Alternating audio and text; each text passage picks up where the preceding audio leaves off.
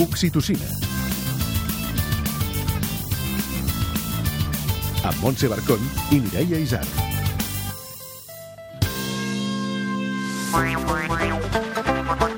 A veure, com deu ser a Lluís Gavaldà de pare? Per exemple, canta el bon dia al seu fill o el fa anar amb els genolls pelats, Home, pobre. espero que no, espero que no. Avui us haurem el tu tots tothom. També aprendrem a fer el deslletament d'una manera suau i fàcil amb la doula i assessora de lactància Vanessa Ibernon.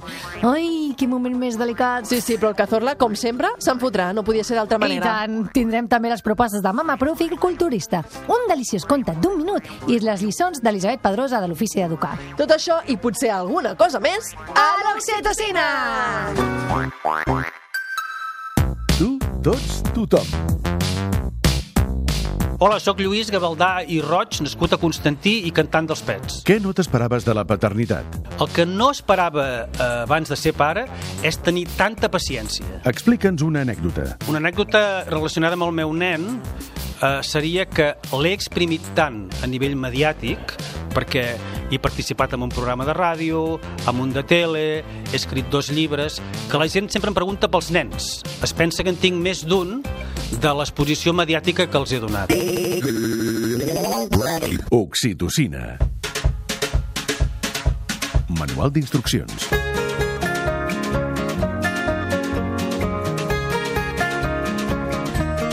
Deixar el pin, mare meva, que complicat, quins nervis i, i quin patiment, no? Ai, sí. El destete, que li diuen a la xarxa, o el deslletament. Avui també farem classes de català, Molt perquè bé, jo ho molt he descobert avui, que es diu deslletament. Sempre va bé. Si heu optat per donar el pit, aquest moment, el de deixar-lo, pot ser un dels més delicats dels primers anys de vida de la vostra criatura. També és veritat que a vegades és senzill, natural i fàcil. Mira, jo vaig tenir aquesta sort, Montse, perdona. Ah, mira-la, mira-la. Però en moltes ocasions és un mal de cap per les mares i els nens. Per això avui volem saber l'ABC amb l'assessora de lactància i doula Vanessa Ibernon.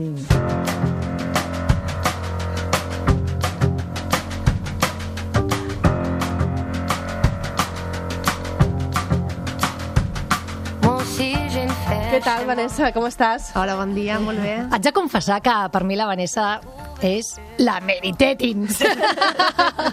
a, a mi em va salvar la lactància amb el meu fill petit i l'estic eternament agraïda. I ara quan ens hem vist li vaig dir, ostres, Vanessa, l'última vegada que ens vam veure em vas veure de tot menys vestida, eh? Ja ens coneixem molt profundament, no? Molt, molt, molt, Això molt. uneix, eh? Això Sí, uneix. home, i tant, Ostres, i ni tant. que ho juris. Són llaços I, I el, importants. el coixí emocional i l'ajuda que vaig rebre de part teva va ser... Ai, no tinc paraules, que m'emociono. Doncs intentarem uh, que tot el que saps i tot el que vas ajudar la Montse en aquest cas, no? amb uns 10 minutets, a veure Vinga. si podem ajudar Vinga, a moltes persones pots. que ens estan, Sí, sí ens que estan podem, escoltant. sí. A veure, el deslletament no és només deixar una alimentació, no? Hi ha No, moltes implicacions clar. al darrere. Bueno, clar, durant, durant tot el temps que tu has, has, has de- allatat el teu, el teu bebè has tingut també, has creat una relació, no?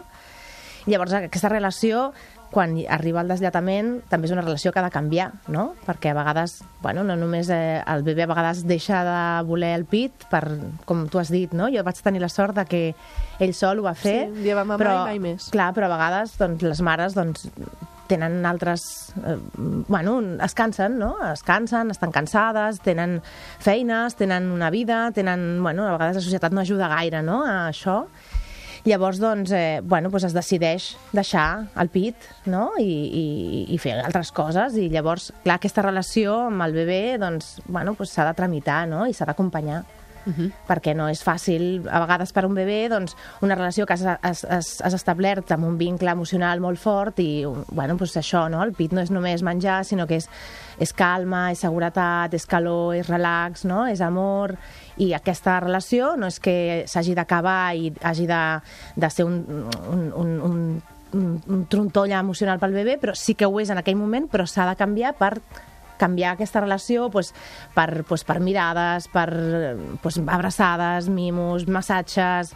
No? S'ha d'anar fent una transició perquè bueno, els bebès van creixent i, i a vegades doncs, també l'alletament és una qüestió de dos, no? Si una persona, si una mare està cansada, doncs doncs la relació llavors ja no és, ja no és, ja no és bonica, no?, si no et dones el pit amb ganes. Per tant, diguéssim que el moment per fer-lo és aquest, no? Quan una de les dues parts, en general segurament la- l'adult, eh, l'adulta, està cansada o, o pel que sigui... Bueno, hi ha, molta, que... hi ha molts deslataments de bebès que a les mares els hi causa molta, molta tristesa, també. Eh? Vull Hi ha que un dol, hi ha un dol Hi ha un allà, dol, eh? també. Mhm. A veure, sí, clar, la societat no ajuda gaire a que puguis tenir... La OMS realment eh, recomana donar el pit a partir, els, tot, els sis primers mesos d'una manera exclusiva i a partir d'aquí eh, fins als dos anys i a partir dels dos anys fins que la mare i el nen vulguin no? Clar, abans hi ha un trencament abans, doncs perquè, doncs per X motius, no? Per històries vàries. Llavors, eh, doncs sí, eh, normalment a vegades eh, això s'adalanta, no? La mare a vegades és la que vol deslatar, va més cansada, ha de treballar, per les nits s'hi mama molt, no? Doncs, bueno, I el tirallets és traumàtic. Sí, bueno, i a vegades hi ha dones doncs, que viatgen una setmana sí, Mhm. una no... Doncs, bueno, això és complicat, no? També s'ha de tenir ganes de fer-ho i a vegades doncs, no, no, no hi ha temps, tampoc, no? Si, T- També hi, pot, hi ha l'opció de fer un deslletament nocturn, També. o diurn, o També es total, pot no? fer Això és una parcial. meravella, jo ho vaig fer i també es és pot una, fer ma- és una parcial. Sí, Ah. clar, al, al final també és, quan una mare et, et diu eh, vull deslatar, també és de, es, el més important és que tu li preguntis, a veure, quina és la teva situació, per què vols deslatar? Hi ha gent que diu, és que no puc més, és que ja, ja no em veig, no? No, no em sento còmode que sigui més gran, no? Hi ha, hi ha diferents coses, perquè també la cultura de la lactància amb nens més grans també Està, està, està mal vist, no de està, fet, eh? Sí, a vegades hi ha pressió familiar, no? Hi ha mo molts motius. Llavors, és com, quin és el que, què és el com et sents tu, quina és la teva situació vital en aquest moment i, i què podem fer, no? Perquè a vegades doncs, també es pot fer d'una manera molt gradual i molt a poc a poc, això, que això és l'ideal, no? L'ideal és fer-ho d'una manera més gradual, a poc a poc, i llavors la mare potser també, si es fa gradual, també la mare ho pot allargar una mica més, perquè també està una mica més de... Vale, Més doncs ho fem, còmode. Exacte, només ho fem una vegada al dia per anar a dormir, o quan ens aixequem és el nostre moment, no? i es fa d'una manera que encaixi més a la teva vida, no? Vull dir que a vegades no s'ha de fer o desllat o dono el pit o sí o no, sinó que hi ha un ventall de possibilitats molt grans que tu pots anar navegant i trobant quin és l'encaix que, que, més, que més et vagi bé. Doncs vinga, ara ens posarem més a nivell pràctic. Recorda'm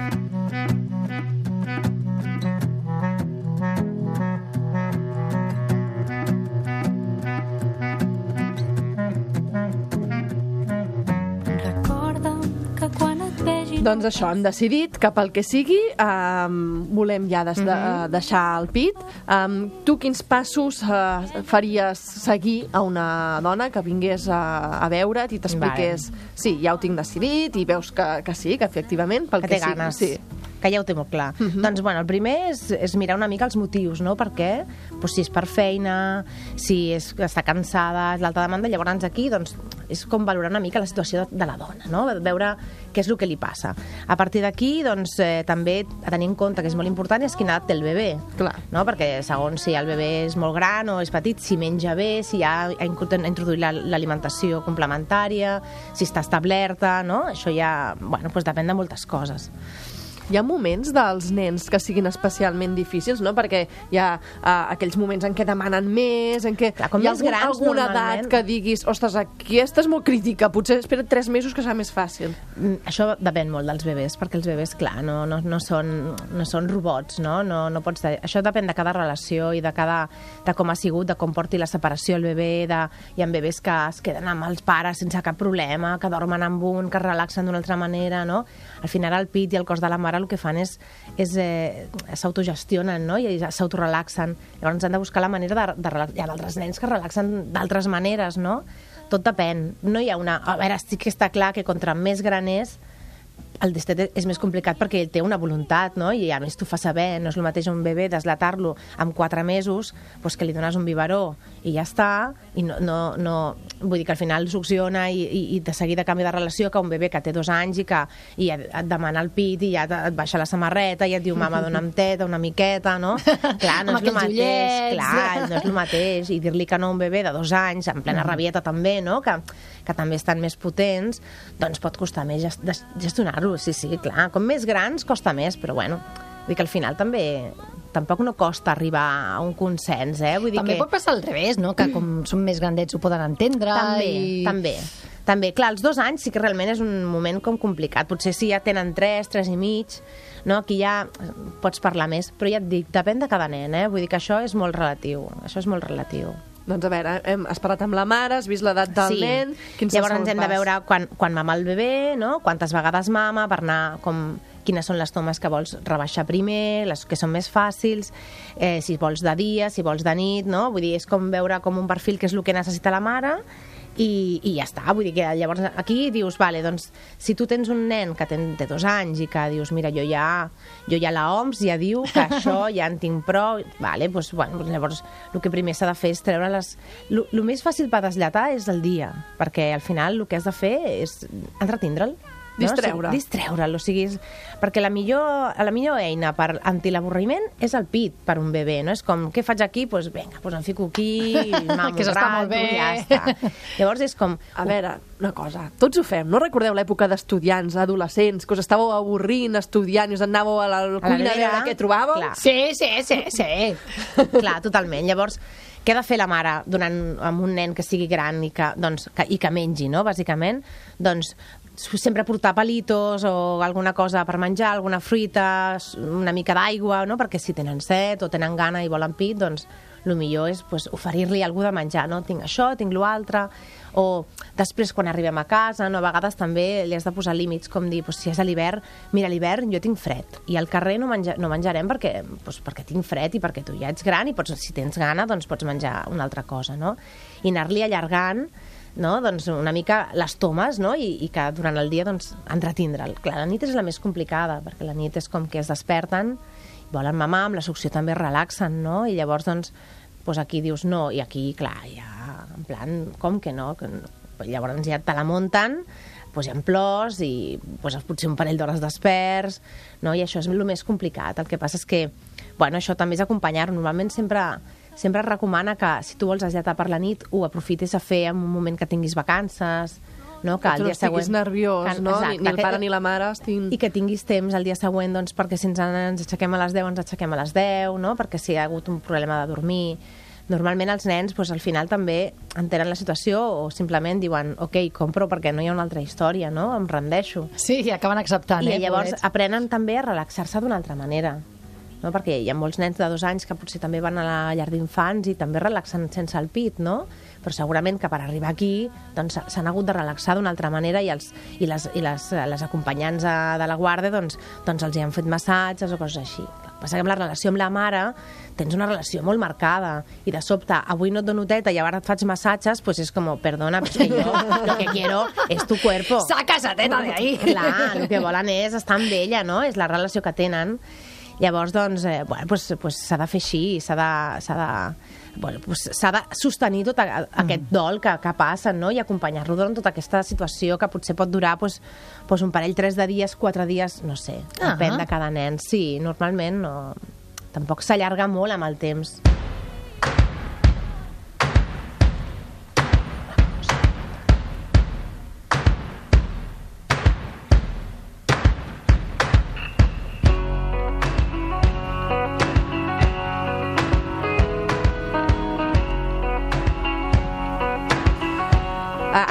Micro, ens deies que hi havia una cosa que era bàsica. Sí, una de les coses, o sigui, el primer, el primer, el primer, quan ve una dona, vull, tinc des, vull deslatar, és que ella estigui segura de que vol deslatar, perquè el procés potser no és tan fàcil. Llavors, si el bebè se't posa a fer una rabieta i tu el primer que fas és treure la teta perquè Ja no aguantes? no aguantes aquí el nen diu, ah, ma, amigo... Ah, escletxa, escletxa, Exacte. escletxa. O sigui que realment s'ha de tenir molt en compte i molt clar què és el que, què és el que, què és el que vols, perquè no pots anar un dia sí, un dia no, ara no vull, ara sí, no? El mareges. El mareges, vull dir que l'has d'acompanyar una miqueta amb això i, i ser una mica com dir, si al carrer no ho fem, no ho fem al carrer i no? marcar unes pautes clares perquè si no, doncs, bueno, el nen clar, és com, ostres, avui sí, ahir no... I el tema de les nits, que potser és el més delicat, perquè a més a més tots estem cansats, tots... Es... Sí. Um, és recomanable que, per exemple, durant aquelles nits mm, complicades, dos o tres que has dit, hi vagi l'altre l'altre progenitor, sigui una dona, sigui un home, Mira. i, faci una mica ell aquest acompanyament, o això pot um, complicar més la situació? Mira, cada família ha de trobar quina és el seu, la seva manera de fer. Ah, a mi m'agrada això, eh? Clar. això està... El que passa és que depèn, perquè a vegades eh, hi ha mares i fills que estan molt, molt, molt, molt enganxats i que la mare sempre ha anat a dormir aixecar-se, llavors, clar, de sobte, tu tens una relació amb un bebè, amb un nadó, i de, de sobte apareix el pare, perdona, però és una putada per al pare Clar. i per al nen, perquè clar, el pare diu, jolín, aquí, la lactància materna és lo mejor i ara em, em, em, em quedo Té jo aquí amb el percal, Vaig a menjar no? i ara m'he de menjar jo tot això i tu aquí dormint, que tampoc dorm la mare, o sigui, que tampoc Que no té va, cap tant clar, clar. sentit al final, no? Llavors, doncs, depèn, si el nen compra, perfecte, no? És anar provant, és anar provant, però el que està clar, hi ha gent que jo he sentit de dir, no, no, és que conec una noia que se'n va anar tres dies, a, a, a una setmana fora a, de viatge i va deixar el nen i, i I- així es va vinga, que deslletar. s'arreglin. Que tampoc es deslletan així, eh? Vull dir que a vegades quan arribes el primer que et diuen, Hombre. teta, què tal? Hola? no? Vull dir que tampoc no és... Però per mi també, des de, des, de, des de la relació que tu fas amb el teu fill, també és bonic com sostenir-lo tu, no? i acabar aquesta relació i acabar el cercle no? amb tu Junts. i que tu siguis la que també el deixis de la mà i que tu també tens un dol al final, eh? perquè a vegades hi ha bebès per la nit que quan ploren doncs les mares acaben plorant amb ells, no? i també és la manera com de despedir-se no? d'això, vull dir que és com una mena de ritual, una mica així, a vegades una mica lo bèstia, però, però bueno, ja et dic que això cadascú també ho ha de decidir. I a tot eh? això, la teta què diu? La teta Clar, què diu? Com, Què com, com evitem mastitis, com evitem... Clar, això depèn també, no? Depèn de a quin moment vulguis destatar, si, deslletar. Si vols deslletar al, a, doncs als sis mesos hauràs de tenir cuidado, perquè clar, tu tens una producció molt ben feta i, i aquí doncs has d'anar traient llet, però no tota, o sigui, el tema és que els pits, quan se't posin doncs allò que estiguin plens, has d'extreure llet només per sentir-te còmode però no per extreure totalment la llet. O sigui, només és aliviar-te d'alguna manera és alleujar tota aquesta tensió només, al millor, doncs, no sé, depèn, eh? cada dona, doncs, al millor doncs, 20 mil·lilitres, 30 mil·lilitres, 40 mil·lilitres, depèn de la producció que tinguis, no? depèn de la quantitat que tinguis. Però sí que és anar com només traient en el moment que tu et tensió i només per destensionar no? aquesta, aquesta pressió. I a poc a poc després es va, es va com adaptant no? la producció, igual com s'ha adaptat durant la lactància, després també es deslleta. I és possible que, que tinguis llet durant bastant de temps, però que es pugui... que, que no, no se t'inflin els pits, però sí que tinguis llet va, durant bastant de temps. Ai, l'aixeta màgica. Sí, sí, sí, és fantàstic. Doncs moltes gràcies, Vanessa Ibernon, assessora De de, lactància i doula. Avui hem fet una mica de pautes. A més a més, hi ha contes, no?, que ajuden sí, hi ha també, contes. hi ha molts recursos. Hi ha molts recursos, sí, hi ha moltes coses i també ha, es poden fer contes. eh, Si són, els nens són grans i els hi agrada dibuixar i coses i pintar, també es pot construir un conte, no?, de, a, a través de la teva història. Sí, sí, tant, es poden fer moltes coses. Doncs gràcies per tots aquests consells. Gràcies a vosaltres. Una abraçada. Adéu. La Coni. I un bon dia, quan fa uns quants mesos que no dormiu, vull dir que sou pares, i quan ho teniu tot més o menys controlat, controlat vull dir que el merder en el que esteu ficats ja és rutinari, es produeix un altre moment màgic, el canvi de cicle, el salt de pantalla, aquella frase que et canviarà la vida, aquelles paraules que provocaran noves crisis de parella. Sí, encara més. Algú pronuncia allò de... Ui, doncs l'haurien d'anar deslletant. A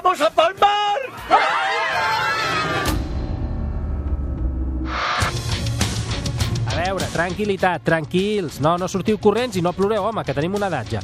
No pot ser tan difícil, no? Es tracta de retirar-li la teta i, i canviar-li per un biberó o la verdura o la fruita, el que sigui, no? Eh, tan difícil no pot ser.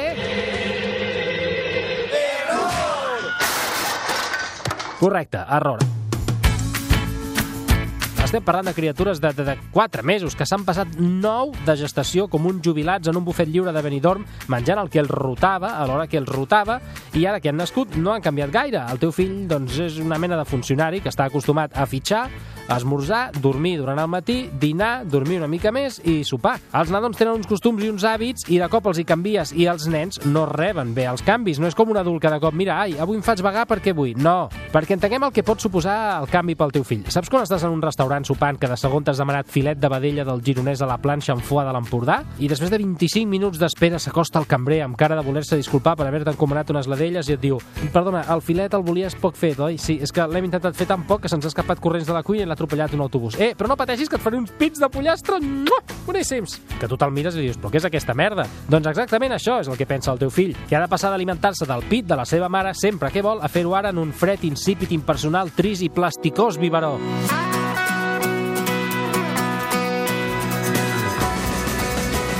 I és tal qual així. El teu fill no vol sentir explicacions, no perquè sigui petit i encara no raona, sinó perquè l'emprenyada de ser desenganxat de la teta no el deixa entrar en raó ni escoltar que la mama que sí que té un pit però que també ha d'alimentar altra gent, a, la família, vull dir, a base de treballar i d'esforç, no?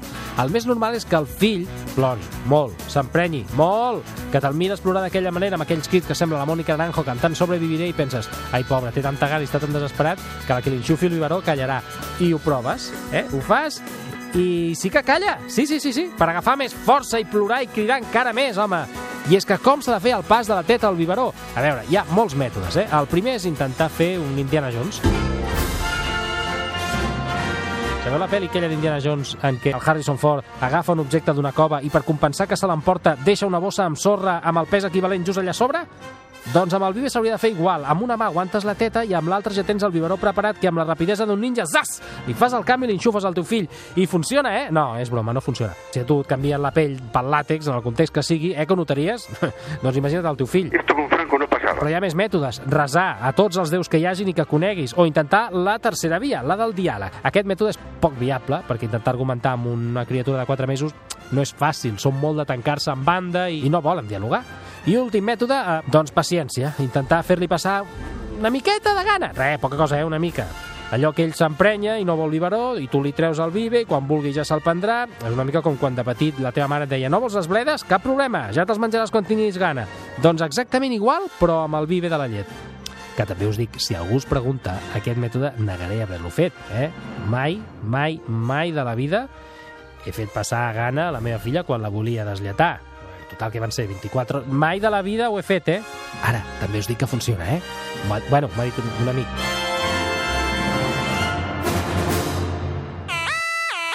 Whatsapps desesperats.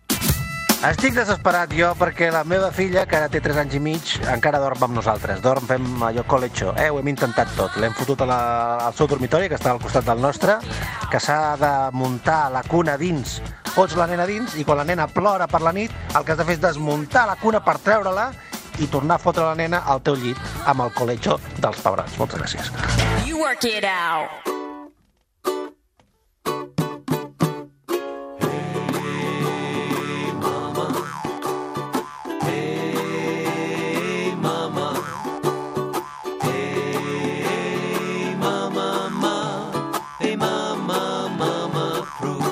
Doncs res, aquí estem saltant com granotetes quan sona aquesta cançó. em recordo Tiana i el sapo. L'heu vista? És molt xula. Tiana, ¿el sapo es una película? Sí. No, no, no, no, no, no, no, no. es de Disney. eh, Bueno, en fi, Ah, no, el, ah. el Bernal, què tal? Hola, hola, no sé si fer també el soroll del sapo. Escolta, avui què ens proposes? Avui us porto a la platja. ¡Ole! Doncs vinga, som-hi.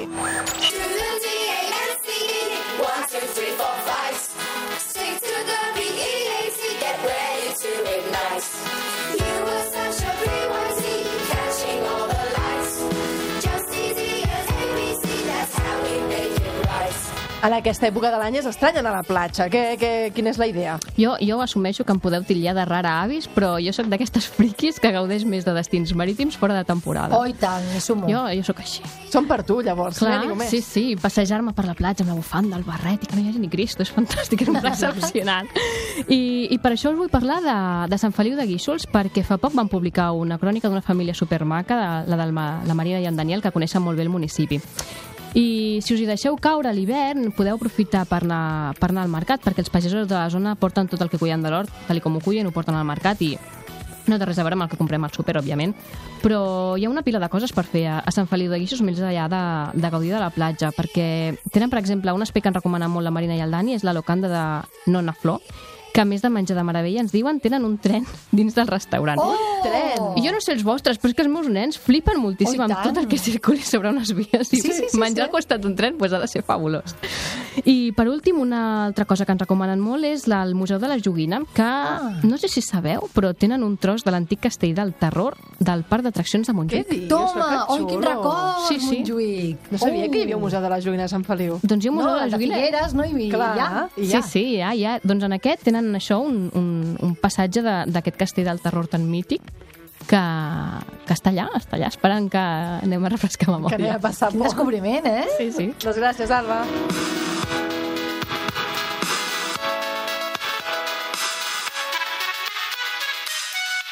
Oxitocina, amb Montse Barcón i Mireia Isart. Contes d'un minut, amb Mont Mas. Un dia, la formiga piga va preguntar a les altres formigues Escolteu, sabeu per què el mar és tan blau? I una va dir, és blau, és blau perquè és el color de l'aigua. Què va, va dir una altra. És blau perquè si fos verd semblaria un prat immens. I si fos vermell, un llac de sang. Si fos groc, si fos groc semblaria que el sol s'hi hagués desfet. I si fos blanc, una vall ben nevada. Ep, però si fos negre, seria una nit adormida o en repòs. I si fos gris? Si fos gris, seria el dipòsit de totes les llàgrimes que provoca la tristesa. Oh, van dir totes les formigues. Així doncs, ja sabeu que només pot ser blau, blau com el cel blau que reflexa a l'aigua blava. Aquest conte és de la Mili Teixidor, de Petits contes d'intriga de la formiga piga.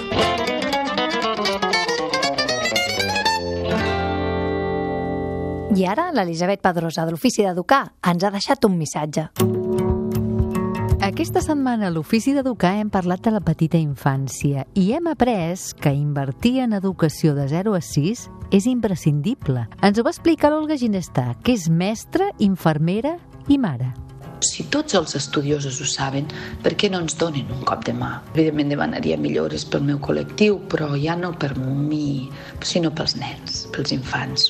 És el capital humà d'un país de 0 a 3 quan es forme al futur. Quan un nen té dificultats a 0 a 3, ja podríem fer alguna cosa, eh? però no tenim més recursos i més acompanyament.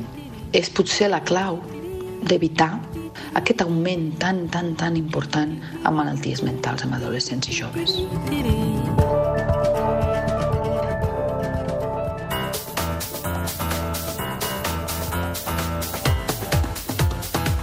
El culturista. Doncs després de fer aquest ball ja, que està sent un ritual, Comença, amb exacte. aquesta sintonia... Hola, Laia Falcón, com Hola, estàs? molt bé. Vosaltres? També. Estupend. Aquí esperant els plans que ens proposes des del culturista. Aquesta setmana, què, què ens Aquesta portes? setmana va de música. Mm. Uh, que no és fàcil trobar música directament infantil. Clar, perquè estic dels Penguins, que m'encanten, eh? Però sí. Pinkertons en pla, va, va més cosetes. El que avui us portaré, us parlaré, és de d'una edicions que fa l'Auditori. L'Auditori, més enllà d'una promoció extensa, que també un dia en podem parlar, pel públic familiar, té un servei educatiu molt potent i publiquen diferents materials per acompanyar aquesta, aquests concerts que programen. Dins d'aquest material hi ha una col·lecció que es diu Escolta l'Auditori i aquí hi ha CDs amb un llibret de, dels concerts que està molt bé. Un d'aquests he començat molt enrere, però un d'aquests és Sonets de Joguina. Sonets de Joguina és un espectacle que es va estrenar l'any passat, si no m'equivoco, i per una franja molt baixa, ells ho adreçaven molt a nadons, jo diria que vaig veure que potser és més 3, 5, i d'això em van fer el, el CD el llibret. I la veritat és que es- està molt bé per escoltar, perquè hi ha alguns CDs de la programació que tenen l'auditori que si no has vist l'espectacle potser perds la connexió. Mm. En aquest cas... Eh, pot anar sol. Pot anar sol, i, i és molt bonic. De fet, el que, amb el que juguen els sonets de joguina és agafar música clàssica, que no sempre també és fàcil entrar-hi, eh, més aviat pels adults que pels infants. Eh? Sí, Que aquest és un perjudici, sí. I, I agafa peces que van dedicar Granados o Schumann, Chopin, a, al públic infantil, bé fossin eh, cançons de bressol o Timo Pens conte o moixaines, coses d'aquestes, i les eh, porten a un context, mm, diguem, una sonoritat totalment diferent, perquè hi ha ukeleles, hi ha guitarra, hi ha instruments de joguina, i sonor, la sonoritat és, és brutal com canvia amb aquestes pe peces que estem parlant de, de compositors del segle XIX. Ens sentim un moment.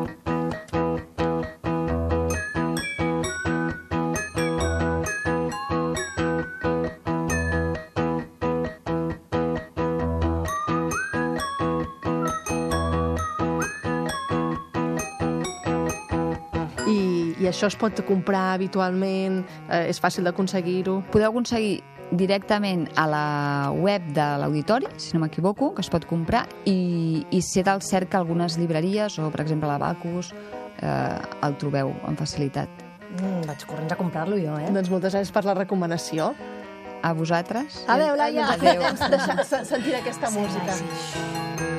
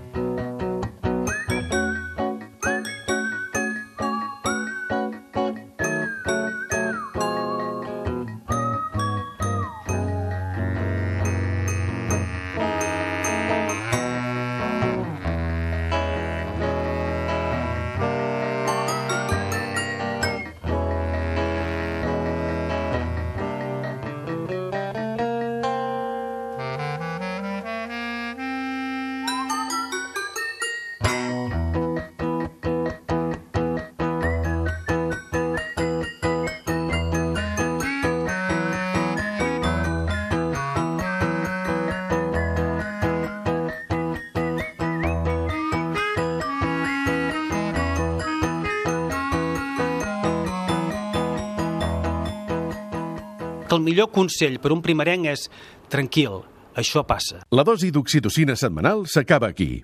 Si en voleu més, en trobareu al grup de Facebook, al blog del programa i al podcast.